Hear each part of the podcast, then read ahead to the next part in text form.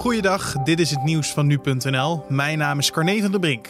Ruim 2,4 miljoen 70-plussers mogen de komende verkiezingen hun stem per post uitbrengen. Dat blijkt uit berekeningen van het CBS.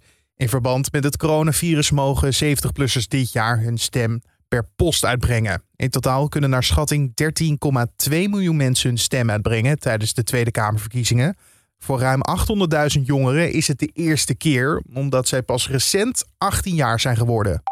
Minister De Jonge vindt het moeilijk conclusies te verbinden aan de test met een voorstelling van Guido Weijers, omdat 20% van de bezoekers zich nog niet na afloop liet testen. En dat vindt De Jonge jammer, dat zei hij gisteravond na afloop van het Veiligheidsberaad. De conclusie dat er geen besmettingen hebben plaatsgevonden in het theater kunnen volgens de minister dan ook niet getrokken worden. Het is niet bekend waarom 1 op de 5 zich niet heeft laten testen. De organisatie achter dit testevenement liet wel weten tevreden te zijn met de opkomst bij de coronatest. De theatervoorstelling was de eerste show in maanden waarbij meer dan 30 toeschouwers in de zaal mochten zitten. De Internationale Paardensportfederatie zet voorlopig een streep door wedstrijden wegens de uitbraak van een dodelijk virus. Het gaat om de uitbraak van het rhinopneumonie-virus. Dat begon ruim een week geleden op het internationale concours van Valencia. De organisatie spreekt van de heftigste uitbraak in tientallen jaren. Al zeker vier paarden die bij het concours in Spanje aanwezig waren, zijn overleden.